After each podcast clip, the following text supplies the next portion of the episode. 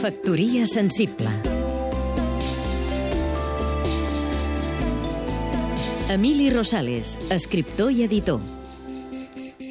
Es discuteix aquests dies si Barcelona té una oferta cultural al nivell de la rellevància de la ciutat en altres àmbits, el seu creixent atractiu turístic, a la història d'esdeveniments de ressò internacional, al seu patrimoni arquitectònic o artístic.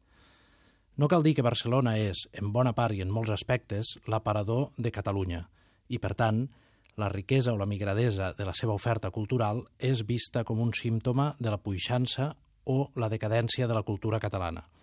Però anem a pams. Diria que per la banda editorial i literària no es discuteix gaire el lideratge de la ciutat.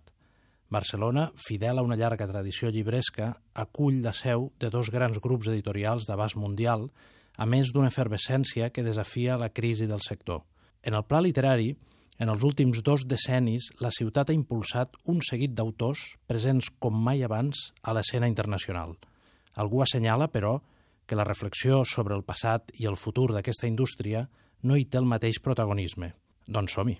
Ara bé, probablement les mancances de Barcelona com a gran focus internacional en el camp cultural es troben en terrenys on la iniciativa privada no és suficient – i cal una gran complicitat de l'Estat.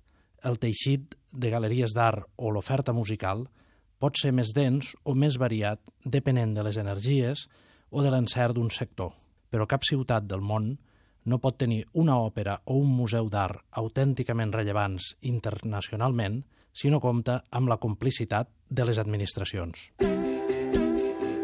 Factoria sensible Seguim-nos també a catradio.cat.